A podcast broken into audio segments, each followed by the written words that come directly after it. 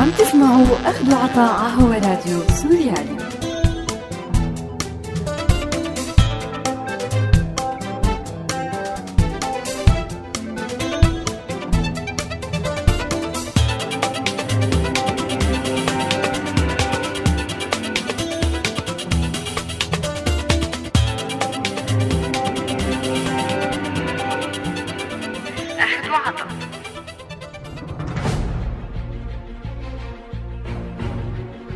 أعزائي المستمعين أهلا وسهلا فيكم. رحب فيكم أنا مايا بحلقة جديدة من برنامج أخذ وعطاء. وبذكركم أنه هذا البرنامج بالتعاون مع مبادرة كلنا مواطنون. سنة 1956 شنت بريطانيا وفرنسا وإسرائيل حرب على مصر بسبب تأميم مصر لقناة السويس وانطلقت بعض قوات العدوان الثلاثي من القاعدة العسكرية البريطانية بعدن اليمن. وكان للقاعدة العسكرية دور أيضا بدعم النظام السياسي الاستبدادي لقمع الحركات الثورية المناهضة لنظام الحكم باليمن. الشيء اللي أدى بالنهاية لانقسام اليمن لقسمين وتدهور الأوضاع الاجتماعية والاقتصادية والثقافية باليمن. أما بعام 2003 استخدمت القوات الأمريكية بحربها على العراق قاعدتها العسكرية بقطر. واللي تعتبر من أهم القواعد العسكرية الأمريكية بالمنطقة واللي بتضم أكبر مخزن استراتيجي للأسلحة الأمريكية بالمنطقة. بيشوفوا كتار من المحللين السياسيين أنه قراءة الواقع الجديد وأدوات الدول الكبرى الجديدة للسيطرة على العالم وثرواته والتحكم بمستقبل الشعوب ومصيرها بتخلينا ندرك بشكل سريع وواضح بأنه الانتداب العسكري واحتلال الدول بشكل مباشر صارت مجرد أساليب قديمة تم التخلي عنها وابتداع طرق جديدة أقل تكلفة تحت مسمى معاهدات الدفاع المشترك لخلق تواجد إلها بالمناطق اللي بتعتبرها استراتيجية ومهمة. وبتعتمد للأسف على حق الدفاع الجماعي المنصوص عنه بميثاق الأمم المتحدة لترويج وقوننة الاستعمار الجديد. وهلأ مع وجود القاعدة الروسية العسكرية بمطار حميحم والاتفاقية اللي تم التوقيع عليها مع الجانب السوري الممثل بالنظام والتواجد العسكري الصريح على الأرض والجو وبطريقة أوضح وأكبر بكتير من قبل من الضروري نفهم كسوريين من كل المواقف السياسية المختلفة شو هي تبعات هذا التدخل وعواقبه.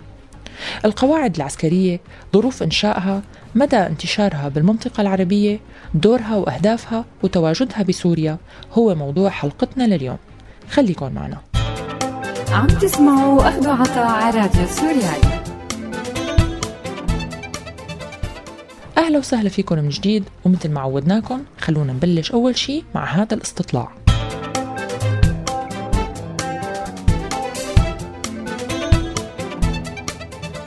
برأيك الهدف من إنشاء القواعد العسكرية؟ لا على حد علمي إنه الهدف من إنشاء القواعد العسكرية إنه هي بتقدم تسهيلات آه، يمكن استراتيجية خليني أسميها للدولة يلي منشأة قاعدة بدولة تانية وأكيد لو هي الدولة يلي هي عم تعمل قاعدة بالبلد آه، ما أنا شايفة في مصالح لها إنه لقدام مستقبلا ما كانت تعمل هذا الشيء السبب هو بشكل أساسي حماية المصالح وبسط نفوذ بالمنطقة للبلد اللي حاطة قواعدها. يعني هدف استراتيجي مثلا لما بتساوي أمريكا قواعد بالخليج أو بتركيا بيكون لها هدف استراتيجي كونها هي قطب.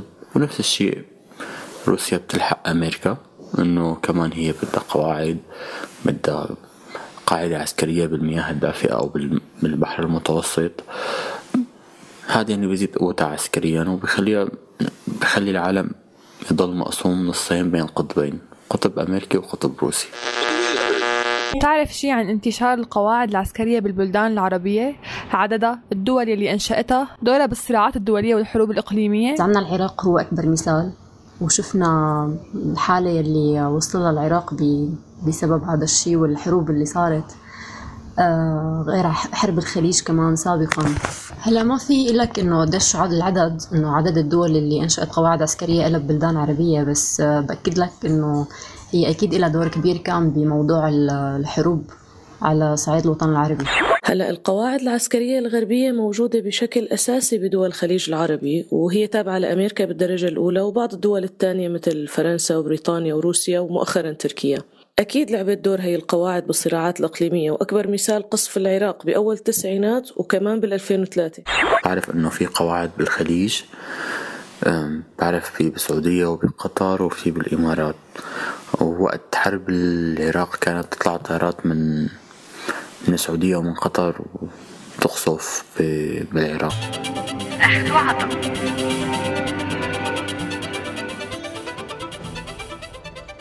من الصعب ويمكن من المستحيل تطابق مصالح دولتين بشكل كامل.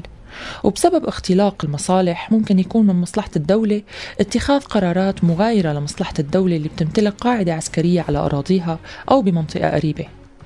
الشيء اللي ممكن يعرضها لصدام عسكري مع هالدولة في حال ما قدرت تخلق توازن بين مصلحة الدولتين. وممكن يكون الخوف من الصدام التضحية بالمصلحة الوطنية والخضوع التام لمصلحة الدولة المستعمرة بشكل مبطن. تنشأ القواعد العسكرية بالدول بناء على اتفاقيات عسكرية. هالاتفاقيات ممكن تاخذ شكل الإذعان والفرض.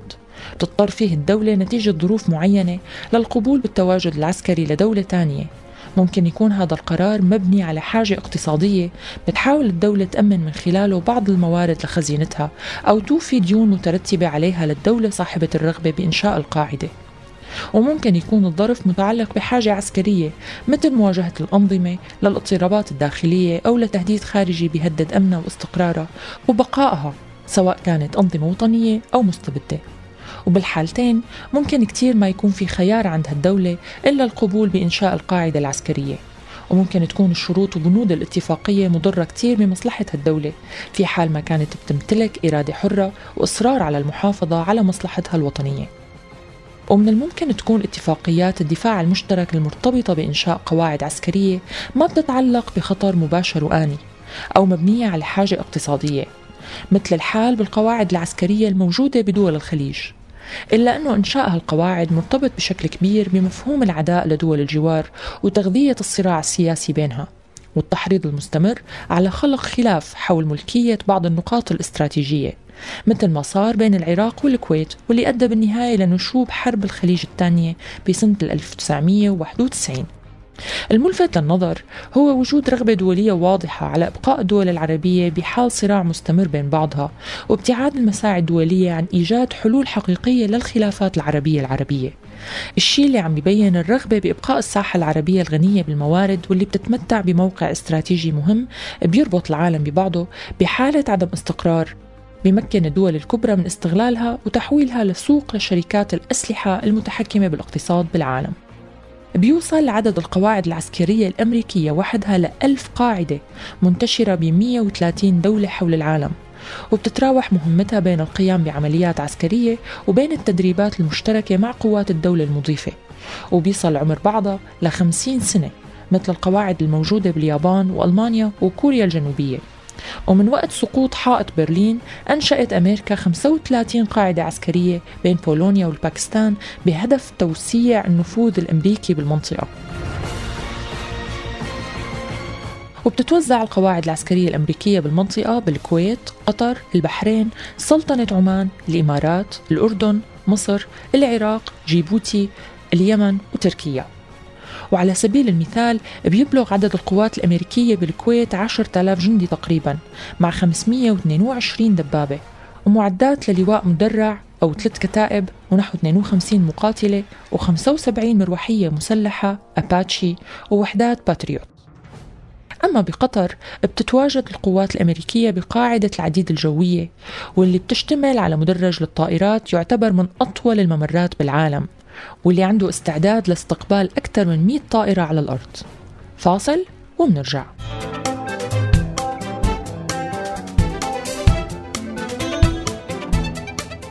شو شعورك بيكون لو شفت عسكري روسي بالشارع بسوريا أو بالمطعم أو على شي حاجز؟ أه، حقيقة هو أمر غير مسبوق أه، أنك تشوف أه، عسكري روسي بالطريق بالمطعم بأي مكان عام يعني. ما تعودنا على شوفة هالمظاهر سابقا. رح يكون شعوري كتير سيء أكيد لأني رح أدرك وشوف بعيني إنه بلدي محتلة. يعني إني أتوقف ببلدي على حاجز مثلا واللي يوقفني روسي يعني صعبة. حقيقة ما بعرف شو رح يكون شعوري إذا شفت عسكري روسي بالشارع. بس عموما أكيد رح يكون شعور سيء لأنه أنا إذا شفت عسكري سوري بالشارع بتضايق فأكيد رح يكون شعوري كتير سيء إذا شفت عسكري روسي.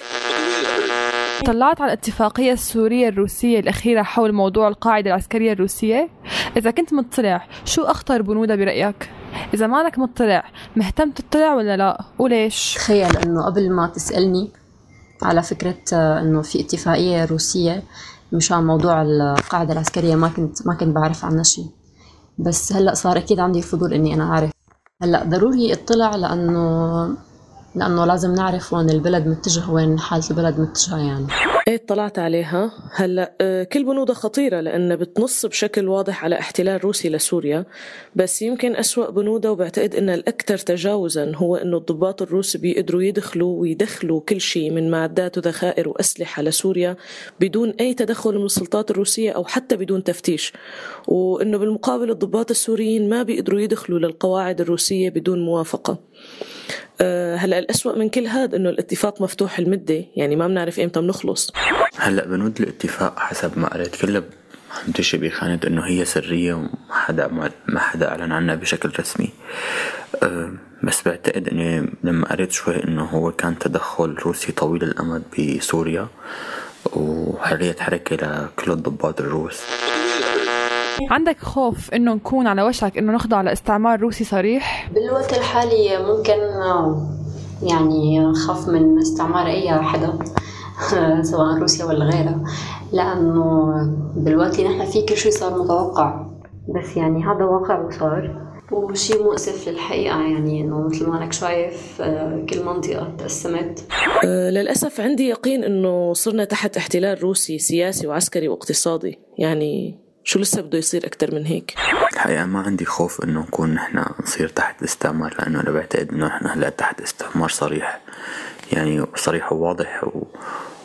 ووقح بعتبره. يعني مثلا هلأ إذا روسيا بتقول للنظام ما تضرب فالنظام ما بضرب. امبارح أعلنوا وقف إطلاق نار ما كان في ولا طرف سوري حتى على الجهة المقابلة كمان. يعني أي فصيل معارض إذا السعودية مو رضيانة إنه يفوت لهون أو يضرب بهي المنطقة نفس الشيء يعني بعتقد إنه نحن تحت احتلال صريح و... والأطراف. أطراف الحرب السورية مو خجلانين منه أبدا يعني. وعطا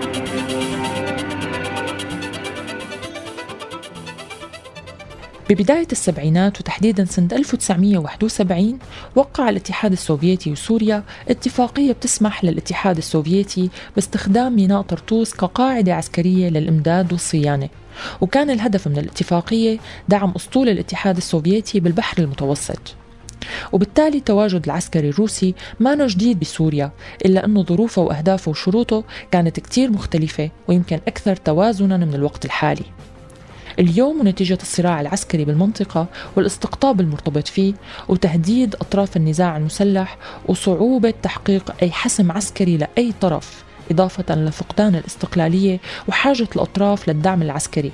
كل هالشيء أدى لتحكم الدول بالملف السوري ولخسائر كبيرة إنسانية واقتصادية. بعضها أخذ شكل واضح وآني بيتعلق بالدمار والخسائر البشرية وبعضها أخذ شكل اتفاقيات بترتب على البلد التزامات كتيرة عسكرية ومادية ومخاطر إنسانية وحتى قانونية. الدعم السياسي والعسكري الروسي للنظام السوري كان واضح ومعلن من بداية الأزمة السورية. تبلور سياسيا باستخدام الفيتو الروسي على مشاريع قرارات الأمم المتحدة حول الملف السوري. أما عسكريا فكان دعم الخبراء العسكريين الروس كبير ومباشر. ليتبلور بالربع الأخير من سنة 2015 من خلال اتفاقية عسكرية روسية سورية حول إنشاء قاعدة عسكرية روسية بسوريا. الاتفاقية مكونة من 12 مادة. بتوضح عدة بنود منها نشر الاتحاد الروسي لمجموعة طيران على الأراضي السورية.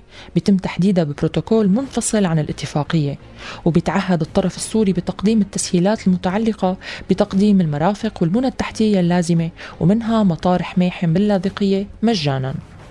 تركت الاتفاقية للجانب الروسي موضوع تحديد حجم المعدات العسكرية والجوية والذخائر وعدد الموظفين بالاتفاق مع سوريا. مع العلم أنه إدخال هالمعدات بيتم بدون دفع أي رسوم أو ضرائب وبتحتفظ روسيا بحق الملكية عليها. أما الموظفين فبيتم دخولهم للأراضي السورية بناء على وثائق سفر صالحة دون خضوع لسلطة الجمارك وحرس الحدود. أما أماكن تواجد القوات الجوية فتم منحها بموجب الاتفاقية حصانة قضائية مدنية وإدارية ومنع دخول ممثلي الدولة السورية إلها دون موافقة مسبقة من الجانب الروسي. أما الجانب القانوني المتعلق بالعمليات العسكرية الروسية وآثارها فمنعت الاتفاقية إمكانية رفع أي دعوى متعلقة بنشاط مجموعة الطيران الروسي وموظفيه. وحملت الدولة السورية المسؤولية عن تسوية جميع المطالبات اللي ممكن تطالب فيها أطراف ثالثة نتيجة للأضرار الناجمة عن أنشطة العمليات العسكرية الجوية الروسية. الاتفاقية بحسب النص قابلة للتعديل ببروتوكولات منفصلة وحل الخلافات اللي ممكن تنشأ حول تنفيذها بتم بالمشاورات بين البلدين. المعاهدة ما محددة بمدة زمنية معينة إلا أنه ممكن للطرفين طلب وقف العمل فيها بإخطار كتابي بيتوجه للطرف الثاني إلا أنه وقف العمل فيها بيتطلب سنة من تاريخ تبليغ أحد الأطراف لطلب وقف الاتفاقية هل يا ترى رح يكون مستقبل سوريا مع نظام وطني قادر على أنه يتخلص من التبعية السياسية والعسكرية لروسيا أو غيرها من الدول العظمى؟ هل رح يكون في متابعة قانونية تقدر تخلص سوريا من تبعات؟ قد تستمر لعقود طويلة وتأثر على كل النواحي اقتصاديا وعسكريا وسياديا وحتى اجتماعيا نتيجة هي التدخلات. سؤال بنتمنى الإجابة عليه بنعم وطريق صعب وطويل مليء بالتعقيدات والمطبات لكنه بحاجة لكوادر وطنية من السياسيين اللي همهم الأساسي الحفاظ على مصلحة البلد والشعب قبل تحقيق أي مكاسب ثانية. بنهاية حلقتنا أصدقائي أنا بودعكم على أمل أني ألتقي فيكم بحلقة جديدة من أخذ وعطى الأسبوع الجاي. لا تنسوا تتابعونا على موقعنا سوريالي dot com وأرشيفنا دائما بتلاقوه على الساوند كلاود. ولا تنسوا تولفوا علينا FM من هون للأسبوع القادم كونوا بألف ألف خير.